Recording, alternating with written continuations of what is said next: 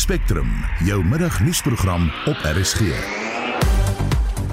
In vermiddag se program die regering maak 'n resolusie om volhoubare waterdienste binne 3 jaar aan Suid-Afrikaners te lewer. Groot ontsteltenis oor die verkoop van Madiba se persoonlike besittings en die kommissie van ondersoek na die dodelike Marshalltown brand in Johannesburg verlede jaar hervat vandag. Welkom by Spectrum, die span in die ateljee redakteur Jo Marie Verhoef, die produksieregisseur JD Labuskaghni en ek is Susan Paxton. Groot name veg om oorlewing in die Afrika Nasies beker toernooi en die Stormers, Lions en Cheetahs kry taai opponente in die laaste 16 ronde in Europa. Nekker Shaun Schuster vir RSG Sport.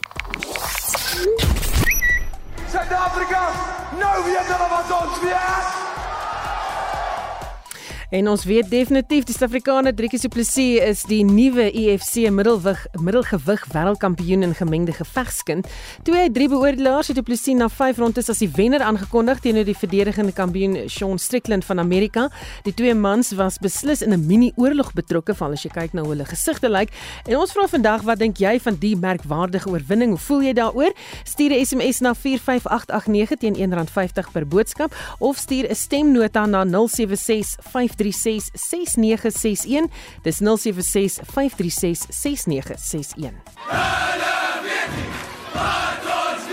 Driekus Du Plessis is die nuwe UFC middelgewig wêreldkampioen in gemengde gevegkuns. En nou weet ons almal wat hy man weet. Suid-Afrika, nou weet hulle wat ons weet.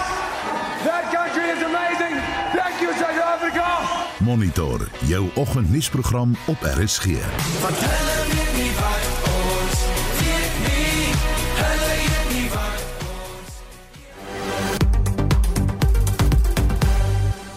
So bykans 7 minute oor 12 jy luister na Spectrum. Die Suid-Afrikaanse regering gaan probeer om die verkoop van 70 persoonlike items van Nelson Mandela stop te sit. Die items is verlede week op veiling geplaas in die FSA deur sy oudste dogter, Makasiwe Mandela. Van die items sluit in sy sonbril en identiteitsdokument, maar volgens die Suid-Afrikaanse regering behoort die items eintlik die me aan die mense van die land. Gossi Matupa Mkwena, die voorsitter van die Nasionale Raad vir Tradisionele Leiers, sê hulle kan steeds nie glo dat 'n besluit om die items te verkoop geneem is nie. As Contralesa, we learned with shock and disbelief. Initially, we thought it was a joke.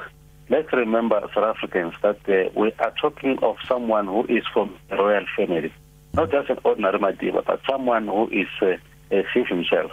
Now, in our culture, any item that belongs to a traditional leader or any senior member of the royal family can be seen be used by any other person except members of the royal family or if it has to be distributed, there is a ritual that must take place for those particular items to be distributed to only members of that particular family. Now, if really Sis Magaziwe, she is so desperate in terms of uh, money to do what she wanted to do, we would have assisted her talking to the Minister of Arts and Culture that they fund whatever project that she wants. But not to sell those items of this senior member in that royal family. Matupa Mkwena sê daar's 'n baie spesifieke manier hoe die proses eintlik moes verloop het. On this one, you will never take any item belonging to Adama Diva for an auction.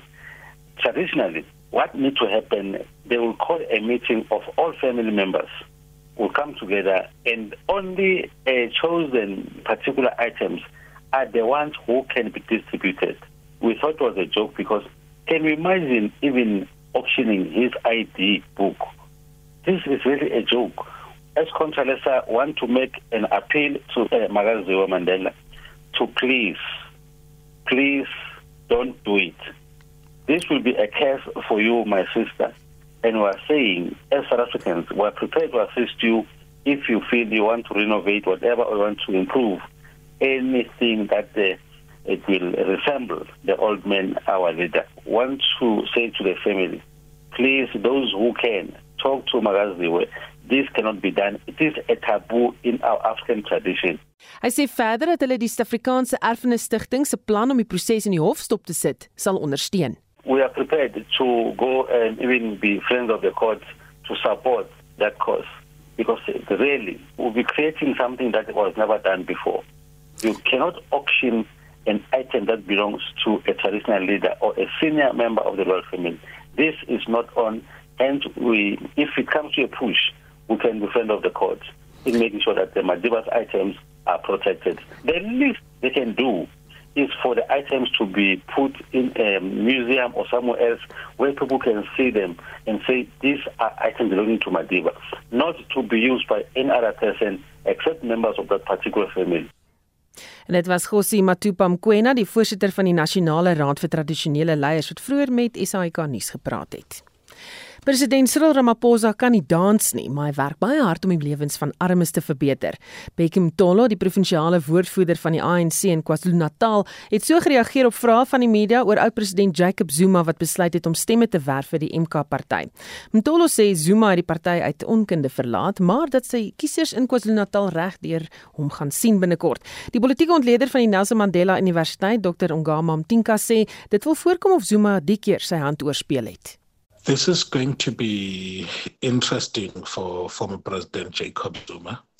I think that what he calculated was that if he is able to come up forward and defiantly challenge the ANC, he was going to get a lot of people, a lot of the leaders to be behind him and help advance his cause. Because I think he's always thought of himself as greater than President Cyril Ramaphosa and therefore carrying more weight and gravitas in ANC politics.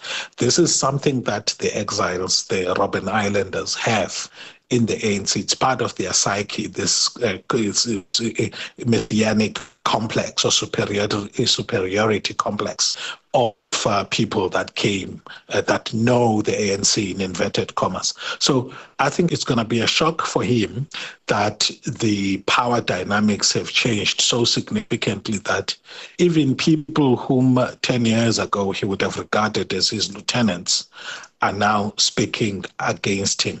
And I don't think that that's the result he was expecting. Mtinka sê dis nie vreemd dat ANC partylede hulle monde uitspoel oor 'n kader wat nie die party eerste stel nie. It is not strange where it gets to become an issue is when the person affected still has a chance of grabbing internal organizational processes and therefore can mete out punishments to those that may have differed with them. With President Jacob Zuma, I don't think that the feasibility of him coming back within ANC is there. And therefore, people feel that they can speak and there will not be political consequences for them.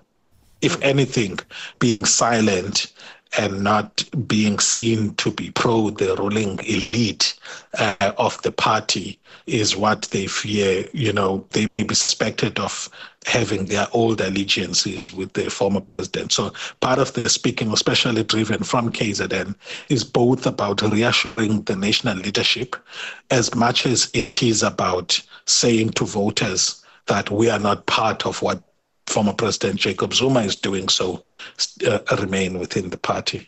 Ndinka sê hy sal nog sien of daar enige optrede teen Zuma sal wees in die toekoms. I think it's weighing its options. It cannot be certain how much action by the ANC can galvanize others within its ranks. So I think for now it's watching to see what traction Zuma gains or does not without a strong response from the ANC that may galvanize even people that are sitting on the side. Should they see that a particular action is maybe more severe than what it should be?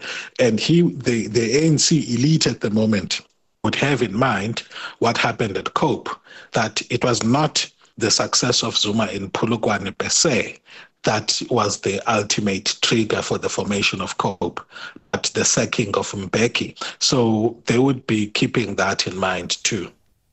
En dit was die politieke ontleder van die Nelson Mandela Universiteit, Dr. Ongama Mtinka.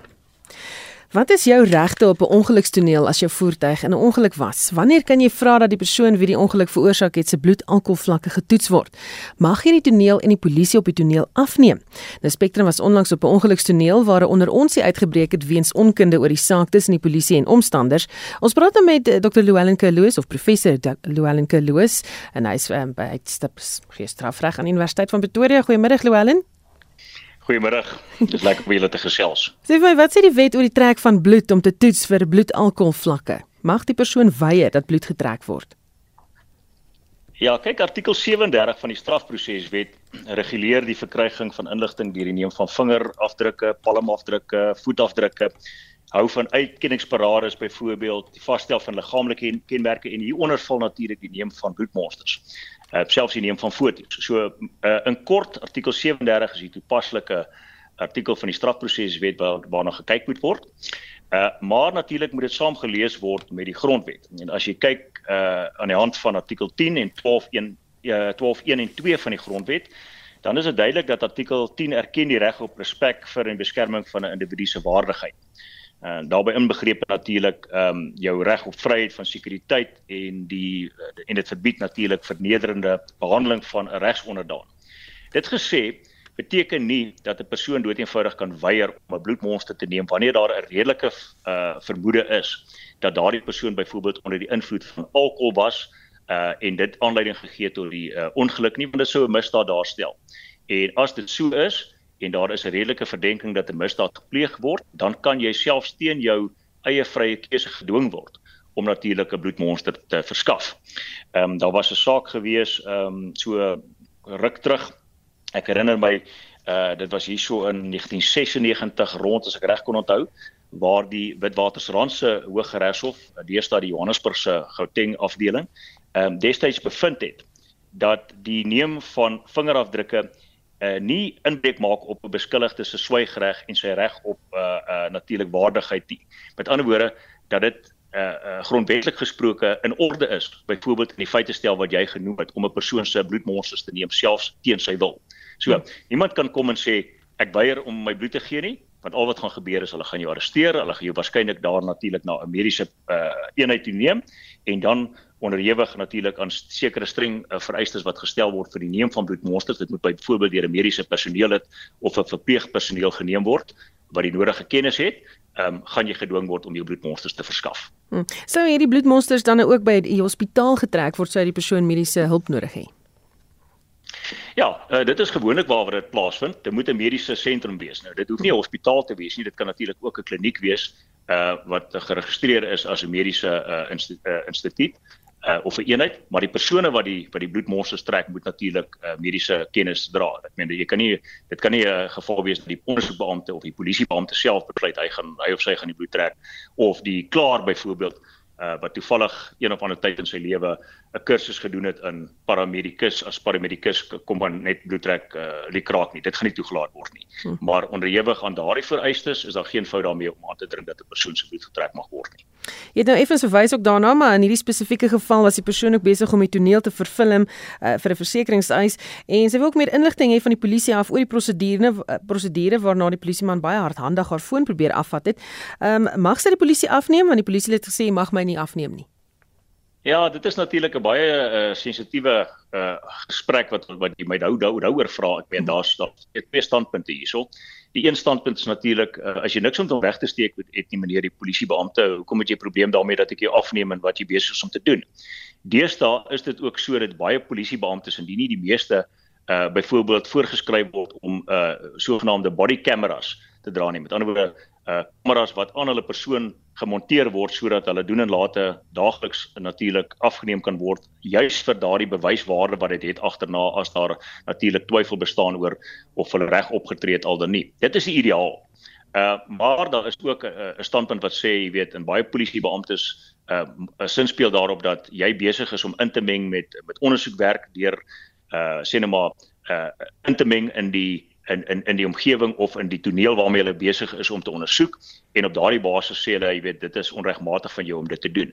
Ek ek moet vir jou sê ek skaar my by die eersgenoemde standpunt wat sê jy weet as jy niks het om weg te steek nie gaan ek nie probleme daarmee hê as jy my afneem as polisiebeampte nie en ek gaan jou vra antwoord en ek gaan vir jou sê hoekom ek 'n spesifieke ding doen. En ek gaan vir jou sê hoekom ek jou arresteer as ek dink jy het iets verkeerd gedoen. Want agterna is dit 'n geval van 'n hof moet besluit wat een van die twee weergawe is die mees geloofwaardigste dis natuurlik altyd uh uh aangenaam en goed in 'n hof as jy 'n getuie het wat stawing kan verleen vir jou weergawe. Met ander woorde, as jy iemand saam met jou in die voertuig het wat kan verifieer dit wat plaasgevind het op die toneel, dan gaan daardie polisiebeampte natuurlik 'n probleem hê om aan te voer later uh jy weet dat jy iets verkeerd gedoen het. Veral as daardie persoon gesê het, "Maar meneer, um, ek wil jou asseblief jou rang sien, ek wil jou uh identifikasiekaart sien." Um ek wil die die ander voertuig afneem want ek moet benodig dit heel waarskynlik oor 'n jaar of 2 as getuienis in hof indien die saak op 'n siviele saak uitloop en ek moet hom dagvaar vir my skade aan my voertuig hmm. of selfs op 'n strafsaak uitloop wanneer die persoon in die hof verskyn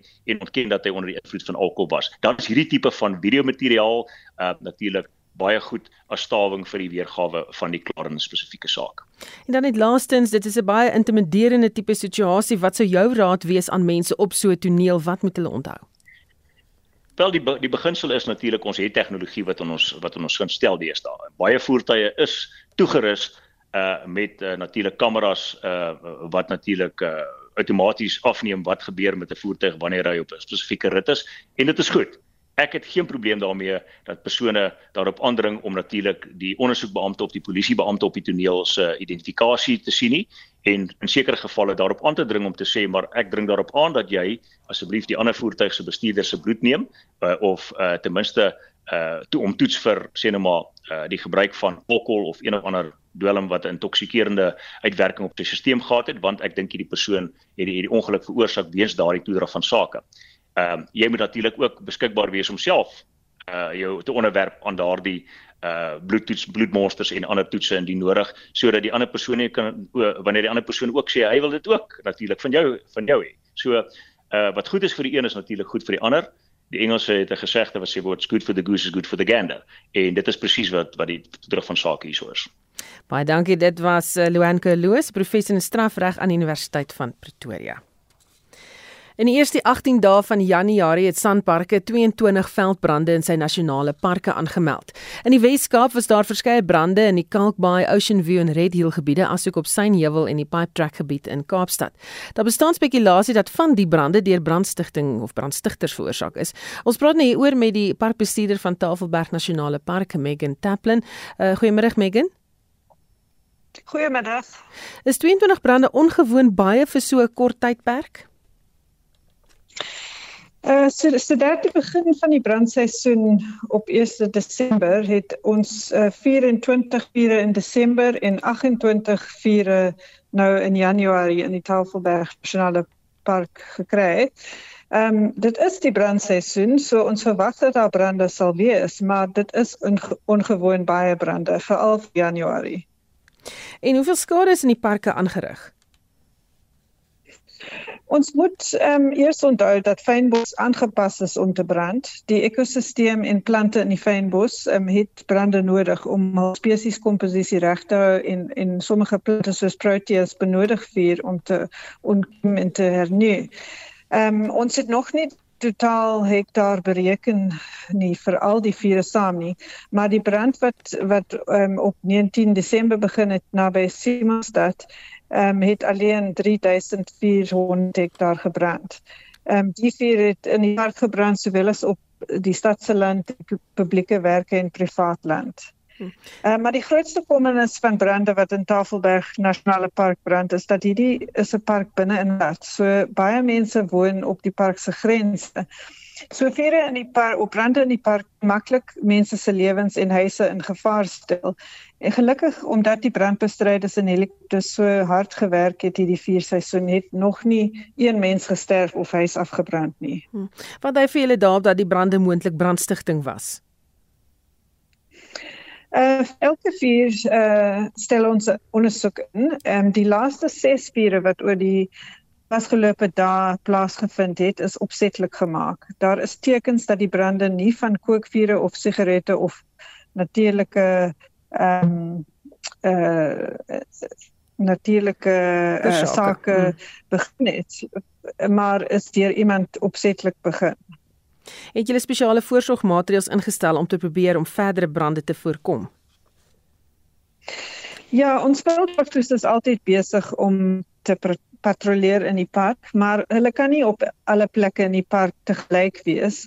Ehm um, so ons werk ook saam met die wetstoepassingsamptenare in die stad Kaapstad sowel as die polisie om te kyk of ons meer inligting kan kry en die publiek kan ook help eh, deur ons inligting te gee as hulle enige vure sien begin of enigiets weet van mense wat vure opsetlik begin. Baie dankie het gepraat met Megan Taplin, die parkbestuurder van die Tafelberg Nasionale Park. 27 minute oor 12 munisipaliteite in die land het 3 jaar tot 2026 om kapasiteit op te bou en beter en volhoubare waterdienste aan gemeenskappe te lewer. Dit is die regering se mandaat en resolusie wat tydens 'n tweedaagse waterberaad in Johannesburg bespreek is. Die minister van water en sanitasie, Senzo Mchunu, het erken verskeie munisipaliteite toets nie die water wat aan gemeenskappe voorsien word nie en dat dit inwoners se gesondheid in gevaar kan stel. Die minister sê sy departement oorweeg verskeie ingrypings insluitende wetgewing veranderings om watervoorsieningsdienste te verbeter. Ons praat nou met 'n waterkenner aan Unisa, mede-professor Anja Du Plessis. Goeiemôre Anja. Goeiemôre. So die regering gee munisipaliteite 3 jaar om waterdienste te verbeter. Hoe haalbaar is dit? Wel, as ons kyk na die huidige stand van ons munisipaliteite as ook ons waterdiensowerhede, um, is 3 jaar dalk bietjie optimisties, maar ek stem saam met die minister. Ek dink 3 jaar mag dalk te lank wees um, vir ons om positiewe veranderinge te sien. So ek sou sê dat hulle in die volgende audit jaar um, verbeteringe moet aanpas. Op hierdie stadium kan ons nie meer bekostig om um, te sit en wag en nie drastiese aksie te neem nie. Die minister het ook erken dat talle munisipaliteite nie die watertoets wat aan inwoners voorsien word nie. Net verlede jaar was daar 'n reuse kolera uitbreking. Hoe kan munisipaliteite meer verantwoordbaar gehou word? Wel, die minister het gesê dat hulle is nou besig met die ehm um, voorgestelde wysigings van die nasionale water asook die waterdienste wette, maar dan ook nou die nuut voorgestelde verpligte nasionale water en sanitasiedienste norme en standaarde in 'n poging om die nie voldoende owerhede te verantwoordelik te roep. So dit klink vir my asof hulle ehm um, hulle wetgewing nou besig is om aan te pas sodat hulle meer tande kan kry om hierdie ehm um, owerhede ehm um, vas te vat en hulle of hof toe te vat. Hy het gepraat van boetes, maar hy het ook gepraat uh, van tronkstraf. Hm. Maar wat het gebeur want ons water was in 'n redelike goeie toestand en toe ewe skielik stort dit ineen. Wel, dit is dit het ongelukkig nie oornag gebeur nie. Ehm uh, myself was ook ander waterkenners en navorsers het nou vir die afgelope twee dekades gewaarsku en gesê dat ons ehm um, veral ons waterbronne heeltemal agteruit gaan. Ons het 'n grootendeels 'n groot rioolprobleem as ook ehm um, afvalwater wat net direk in ons riviere ingepomp word. Ehm um, as jy nou kyk soos wat die eh uh, Valrivier na lyk, dit is vol water, blaarslae is ook van jou hyasinte wat 'n grootendeels 'n probleem is. So die publiek mag dalk dink dat dit oornag gebeur het, maar as mens kyk na die verslag wat vrygestel is, die verslag was eers vrygestel in 2013, 2014 en toe was daar 'n 'n droogteperiode of 'n tyd van donker en toe die ehm um, audit verslag eers nou weer laas jaar vrygestel geword. So ehm um, ek dink ehm um, menigte ehm um, gemeenskappe reg oor die land sou vir jou sê dat hulle water het al voor voor dit ehm um, agteruit gegaan. En dit is ongelukkig as gevolg van geen uh, monitering of boetes of hierdie owerhede tot verantwoordelik te roep nie. Hm.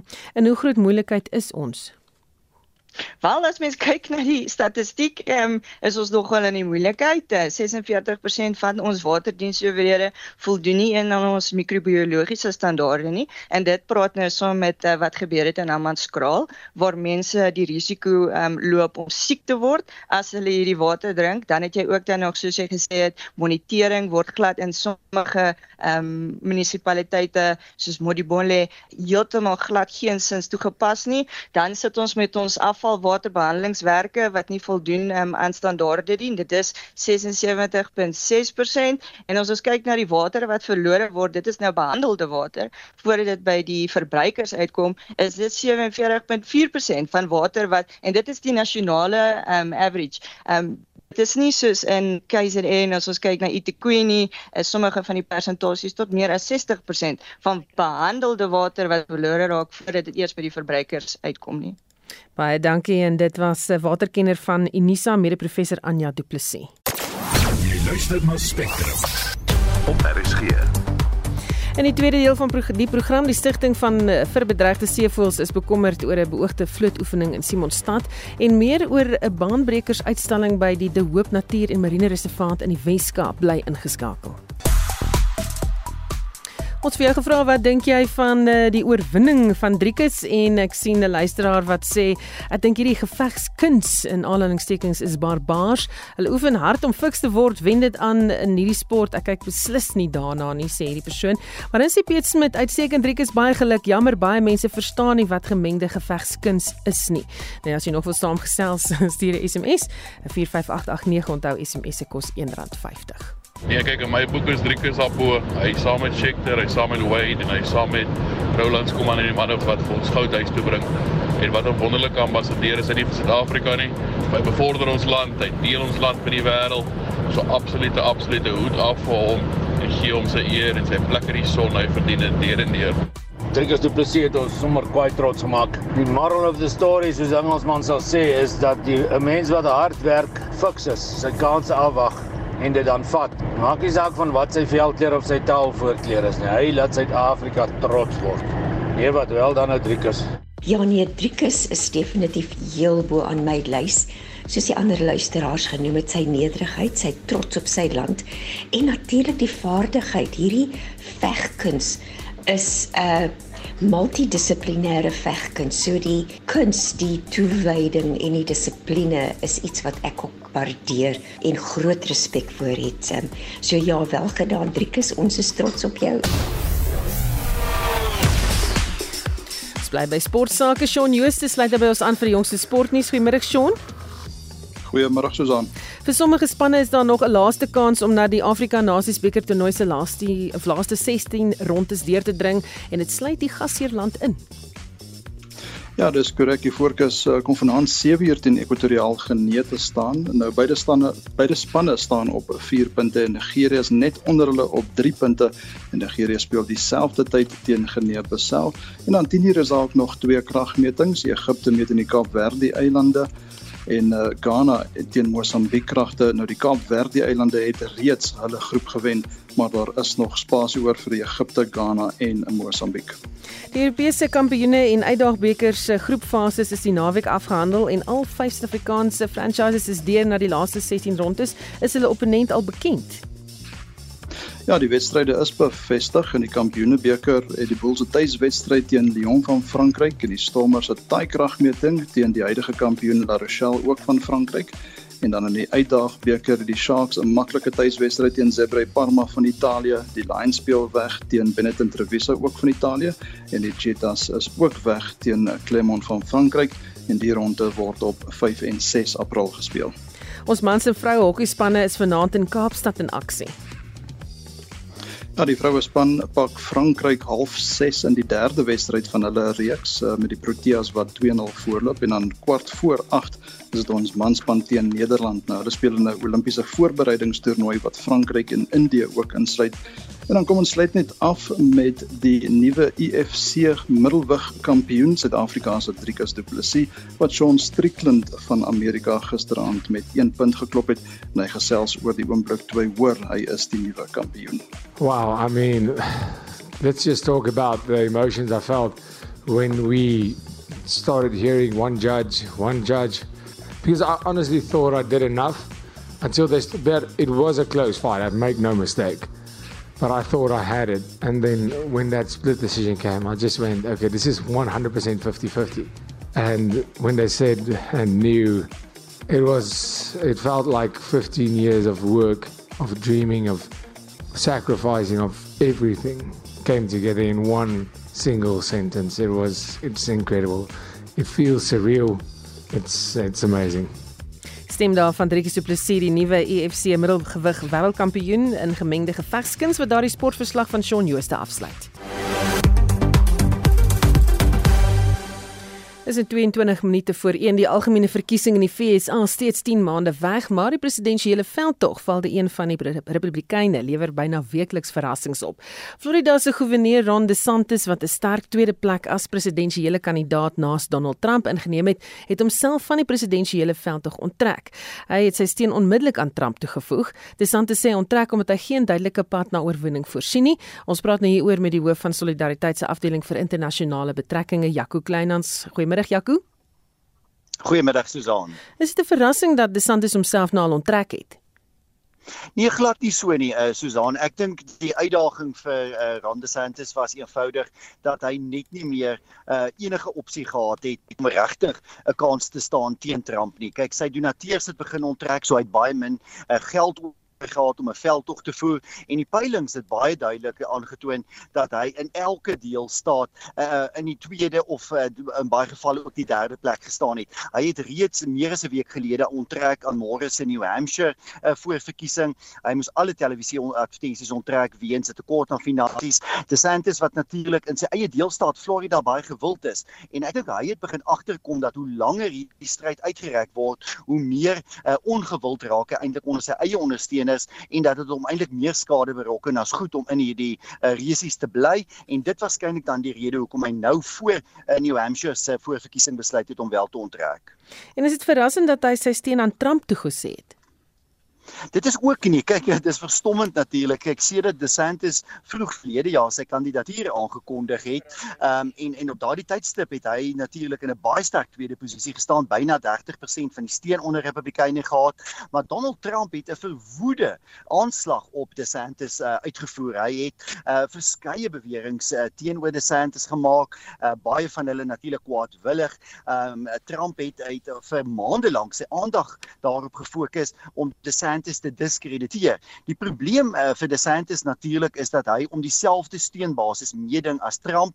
Dit is konservatiewe Republikeine en indien uh, DeSantis uh, in die toekoms 'n uh, toekoms wil hê in in die Amerikaanse politiek, jy weet, na sy uh, tweede termyn as goewerneur van Florida verby is, dan sal hy natuurlik die guns van Trump moet terugwen. En dit is hoekom hy gister met sy aankondiging waarskynlik ook sy steun aan Trump toegesê het en 'n mens kan selfs verwag dat hy oor die volgende weke en maande baie moeite moeite gaan doen uh om dan ook deel te wees van Trump se veldtog.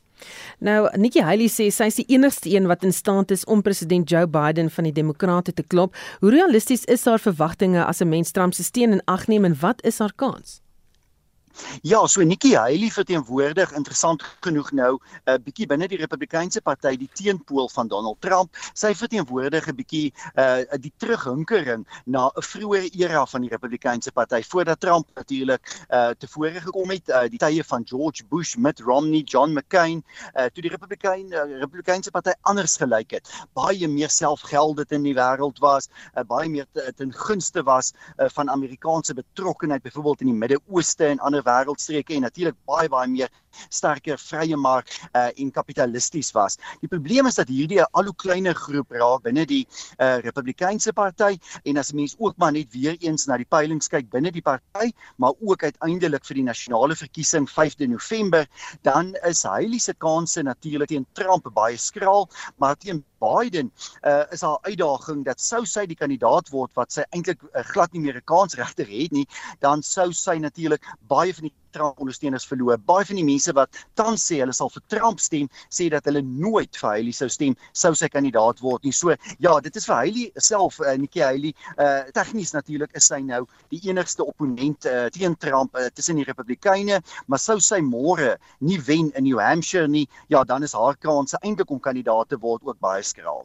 Daar's nog byna 'n hele jaar oor voor die Amerikaanse verkiesing. Wat lê voor in die volgende paar maande? Ja, Susan, dis eintlik eintlik verbuisterend as jy dink om nou 10 maande lank veldtog gevoer word en in die Demokratiese Party word uh aanvaar dat Joe Biden die kandidaat sal wees en daar word eintlik uh, ook as jy vandag die Amerikaanse koerante lees algemeen nou aanvaar dat Trump die Republikeinse kandidaat sal wees. Interessant genoeg, ek volg ook Joe Biden se veldtog op sosiale media en hulle het eintlik reeds die laaste paar dae volledig hulle aandag op Trump begin fokus. So Joe Biden val vir Trump byna daagliks aan en ek wil vir jou sê dis wat ons waarskynlik vir die volgende 10 maande gaan sien. Is hierdie verbeete stryd tussen Biden en Trump wat 'n herhaling gaan wees van 2020 se stryd, maar wel 'n bietjie anders is ingeklee natuurlik, net wat Biden wat nou 'n rekord het. Hy is nou die afgelope 3 jaar president gewees en en dit plaas vir Trump natuurlik in 'n posisie waar hy dink hy wel 'n kans staan juis omdat Biden uh, baie swakpunte het of kiesers natuurlik uh, oor baie kwessies voel dat Biden nie opgewasse is om Amerika nog 4 jaar te regeer nie. Baie dankie het gepraat met die hoof van Solidariteit se afdeling vir internasionale betrekkinge, Jaco Kleinhans. Die Verenigde Nasies se kantoor vir dwelms en misdaadbestryding en die streekskantoor vir Suider-Afrika hou tans 'n werkswinkel om opleiding te verskaf oor geldwasery, waarin die winste van misdaad gaan en die finansiering van terrorisme. Suid-Afrika woon ook die werkswinkel by as deel van 'n poging om die land van die gryslys van die finansiële aksietaakspan af te kry. Ons praat nou met die hoofekonoom van die Efficient Groep, Dawie Rood. Goeiemôre Dawie. Goeiemôre Susan. So weet ons wat om te doen om van hierdie gryslys af te kom. O ja, ons weet wat om te doen van die gryslys af te kom. Ons moet dit baie moeiliker maak vir daai goed wat jy sopas genoem het vir terrorisme en deur ons finansiële stelsel gefinansier te word. En natuurlik vir sogenaamde geldwasery, veral van kriminele aktiwiteite af. So dis basies wat ons moet doen. Daar's 'n derde ding ook wat jy nou nie genoem het nie en dit het te doen met belastingontduiking. Uh maar daai twee goed wat jy genoem het is inderdaad 'n probleem. En in die geval van Suid-Afrika, uh, dan is daar het is daar al gevalle gewees in Suid-Afrika waar daar beweringe was en om my waarheid te sê, dis bewyse daarvoor dat Suid-Afrika sekere terroriste organisasies gefinansier het en natuurlik daar's maar altyd kriminele aktiwiteite by maak nie saak watter land dit is nie. Maar ja, ons weet presies wat om te doen. Wat het ons reeds gedoen? Daar's 'n klomp dinge wat gedoen moet word en wat nog verder gedoen kan word en ek moet vir jou sê Ehm um, van hierdie van die goed wat gedoen word, eh, dis onvermydelik nou maar so gaan dit meer koste plaas en op die ount is dit maar die kliënte wat daarvoor betaal moet daarvoor gaan moet betaal. Maar basies wat dit daarop neerkom is vir 'n finansiële instelling of 'n finansiële dienste maatskappy en dit is nou tipies sê nou maar batebestuurders of banke of enige iemand wat met geld werk dat hy moet baie seker maak. Jy moet sogenaamd jou kliënt ken, so jy moet weet wie jou kliënt is en as jy weet wie jou kliënt is en wat jy wat die profiel van jou kliënt is, dis miskien iemand wat polities blootgestel is byvoorbeeld uh, en, en dan moet jy ook weet waar kom die kliënt se geld vandaan?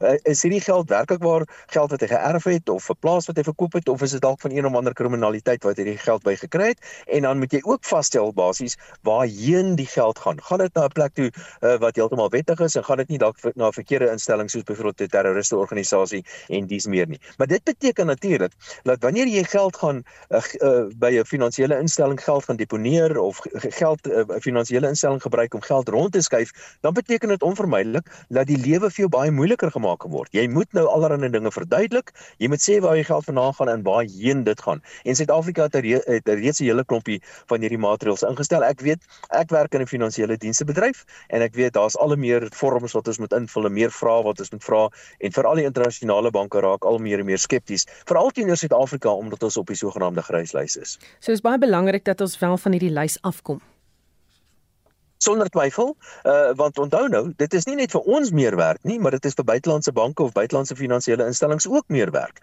Hulle sê hulle wil nou weet presies in die verlede as ons vir hulle gesê het ons het hierdie kliënt uh, na gekyk en ons weet waar die geld vandaan kom ons ken die kliënt dan het hulle in baie gevalle het hulle eenvoudig net ons woord gevat uh, of aanvaar. Wat nou die geval is is dat hulle wil nou hulle eie sogenaamde due diligence doen in baie gevalle vir verwag hulle van ons nou om vir die kliënte nog 'n klomp dokumente aan te vra en aan te stuur en dis deur en in die proses word kliënte vies en in die proses is internasionale instellings moet hulle meer werk doen en in baie gevalle sê hulle luister dis net veel moeite ek staan nie belang om met julle besigheid te doen nie. So ja, dit gaan sekerlik vir ons baie beteken as ons uiteindelik weer van hierdie lys af is. Baie dankie, dit was die hoofekonoom van die Efficient Groep, Dawie Rood.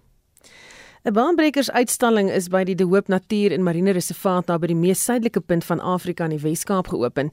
Die De Hoop Collection se Origins of Early Southern Sapiens Behavior vertoon bewyse van die vroegste tekens van moderne menslike gedrag.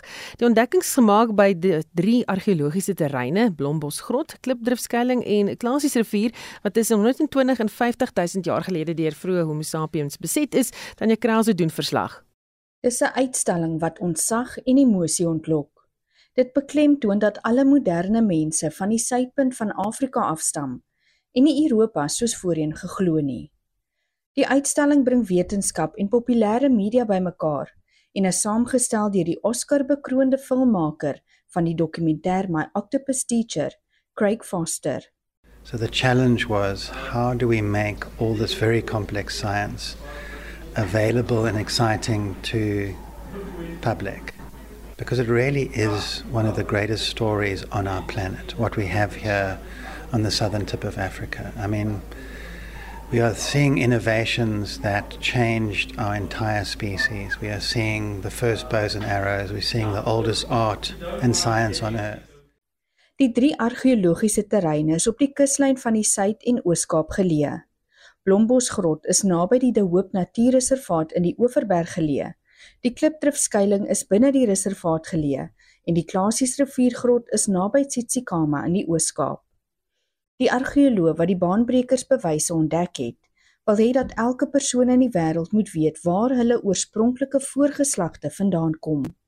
Die bekende argeoloog en direkteur van die Sentrum vir Vroeë Sapiens Gedrag, professor Chris Henshelwood, het die Blombosgrot in 1991 ontdek.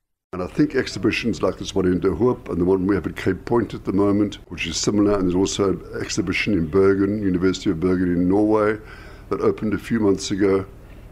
We are getting tens of thousands of people coming through from across the planet, and the reaction from every single one of them is awe, shock, surprise, but very grateful to be shown what, what you can see this exhibition. Die Wes-Kaapse premier, Ellen Wendy, sê die uitstalling sal ook toerisme en ekonomiese voordele na die streek bring. Dit is nou oop vir toerisme en mense van oor die wêreld om te, om te kom kyk oor die laaste 15-20 jaar se werk in die grotte hier om die kuslyn wat wys hier is waar mense begin het dis waar ons in die wêreld begin met uh, modernisering en taal en kuns. So dit is baie baie belangrik to, van 'n toerisme kant af, maar ook van 'n van 'n omgewingskant af, van uh, klimaatsverandering, van ons planeet en ek dink op die einde van ons as mense in die wêreld. Dit is so maklik om verdeeld te wees, maar eintlik is ons almal een. Daar word ook gehoop om die plaaslike jeug te inspireer om in die natuur en argeologie belang te stel.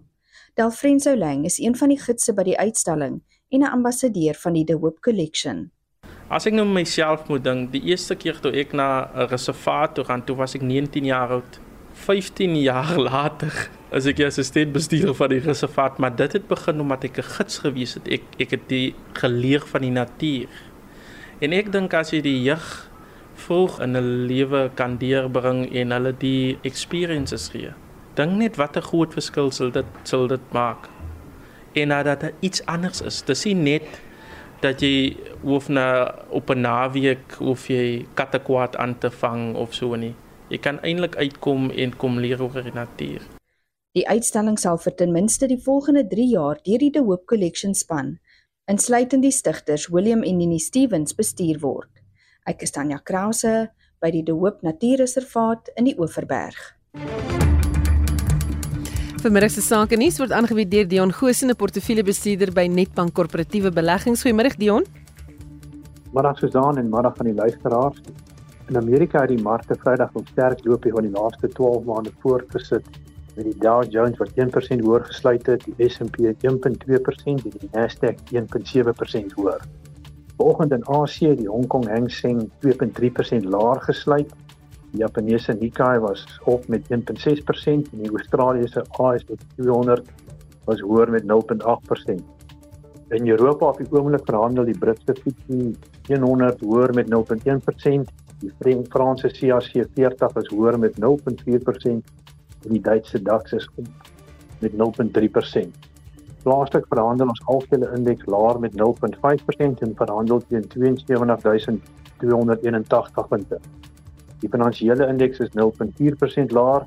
Die Investec is daarom so 1.5% op en Outsurance ongelukkig met 1.6% laer op die oomblik. Die nywerheidsindeks is 0.6% laer. Dit is dit is met die Tobacco is 1.3% op terwyl Aspen 1.8% laer is. Dan die Hulbron indeks is 0.7% laer op die oomblik. Sasol wat swaar trek, dis 3.1% af. As ons kyk na die kommoditeitspryse, goud verswak met 0.4% en verhandel by 2024 dollar per fyn ons. Platinum is sterker met 0.2% en verhandel by 895 dollar per fyn ons. En dan Brent 3 olie is sterker met 0.1% en verhandel by 78 dollar 61 sent per vat. Dan die wisselkoerse, dollar gaan vir jou R19.13 kos, 'n pond R24.31 en 'n euro R20.83 aan die rentekoerskant, die R20 30 staatseffek verhandel op die oomblik by 9.75%. Dan die belangrike ekonomiese data vir die week is die inflasiesyfers wat Woensdag bekend gemaak word en die Reserwebank se rentekoersbesluit wat Donderdag bekend gemaak word. Op die oomblik word geen rentekoersveranderinge verwag nie. Dankie. Dit is aan die einde van die sake nuus. Dit was Dion Goosne, portefeuljebestuurder by Netbank Korporatiewe Beleggings. Die Suider-Afrika Stichting vir Bedreigde Seevoëls, SANCOP, sê hy is bekommerd oor 'n beoogde vlootoefening wat in Simonstad in die Wes-Kaap, naby 'n kolonie brilpikkewyne gehou gaan word. Onderwaterontploffings is deel van die oefening en hoewel dit jaarliks gehou word, is die organisasie bekommerd oor die impak daarvan op die pikkewyne, sê die hoof van navorsing by SANCOP, Dr. Danya Ludinya. Sankop is concerned about the exercise because we know from other research that has been done that underwater noise can have negative effects on the African penguin. Um, but we also know that Sandparks is speaking to the Navy to see if if there's a way forward around these these blastings that they have been doing in the bay. As far as we know, these exercises actually happen annually. The concern is obviously that as the African penguin numbers are declining, they're obviously more and more threatened. So anything we can prevent prevent from doing damage to the penguins is obviously what, what, we want to try. So even though these blastings have been done in the past, seeing the threat level of, of the penguins and the rate of decline, we're obviously urging to prevent any further disturbance to the birds. Dit is hoof van navorsing by Sankop Dr. Cataludinia. Nou is jy vir ons eh, die ontwikkelende nuus vir ons dop vandag ons begin met nuus dat tiener meisies doodgeskiet is op die Kaapse vlakte. Ja, Susan, 'n 14-jarige meisie is doodgeskiet in Philippi Oos op die Kaapse vlakte en die polisiewoordvoerder Wesley Twick sê sy was 'n slagoffer wat in die kruisvuur vasgevang is van twee bendes wat op mekaar geskiet het. Philippi East Police responded to a complaint of a shooting and upon arrival at the scene, they found the victim with gunshot wounds to her body. The victim was declared deceased on scene by medical personnel. Philippi East Police registered a murder case for investigation. Die Johannesburgse Metro sê die gebou in die middestad waar 'n vrou na bewering gister 'n brand gestig het, is een van die 188 geboue wat ondersoek word vir die oortreding van die stad se metro-regulasies. Twee mense is dood, verskeie is beseer en meer as 150 mense is dakloos gelaat. Die vrou wat na bewering die brand gestig het, is in hegtenis geneem. Die metro se woordvoerder, Tatise Modingwani, sê die mense wat in die gebou woon is buitelanders. One of the things that is worrying us is that the majority of the people in that building are foreigners. we still are to ascertain because we are meeting with the Department of Home Affairs this morning just to ascertain the legality of the people that are there. So we want to establish if they are here legally and so forth so that we deal with those processes properly. En in internasionale nuus bombardeer Israel vir Gaza met aanhoudende lugaanvalle waar die dodetal volgens gesondheidsowerhede van Hamas nou tot meer as 25000 gestyg het.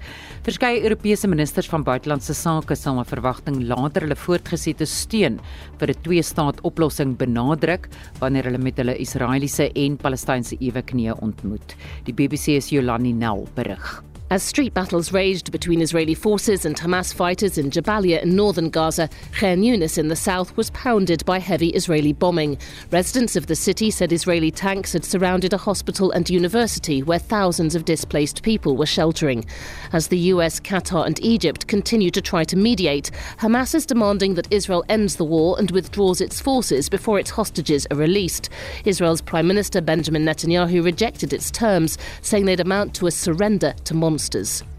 En die hertog van Edinburgh, Prins Edward, is op 'n tweedaagse werksbesoek aan Suid-Afrika. Hy is deur adjunkpresident Paul Mashatile op die OR Tambo Internasionale Lughawe ontvang. Die prins sal verskeie natuur- en wildlewe belange organisasies in die land besoek. Skakel ook in vir Brandpunt om kwart vir 6 vanmiddag vir 'n opsomming van die dag se nuus. Dit was Estie met 'n oorsig van die ontwikkelende stories. Nou voor ons groet, kom ons uh, luister gou na wat jy nog te sê gehad het oor Drieke se oorwinning gister. Ek wil net sê 'n mens kan hom amper gelyk plaas met 1995 toe ons die rugby wêreldbeker gewen het, want dit was die eerste vir Suid-Afrika en hierdie geveg wat hy gewen het is ook 'n eerste vir Suid-Afrika en ek dink hy verdien om saam met hulle in daai posisie te wees. Baie geluk aan Driekus. Driekus Du Plessis. Broer, ons is baie trots op jou om daardie wêreldtitel wat jy verower het. Baie trots op jou. Man, ons sien dit sterkte vorentoe. Kyk, sterkte jy's 'n champion, 'n real champion. Ja, dit klink soms wel lekker as hy dit sê, lekker kampioen daar. Ons groet ook. Onthou vorige uitsendings van al ons nuus en aksietuisprogramme is beskikbaar as 'n potgooi op rsg.co.za.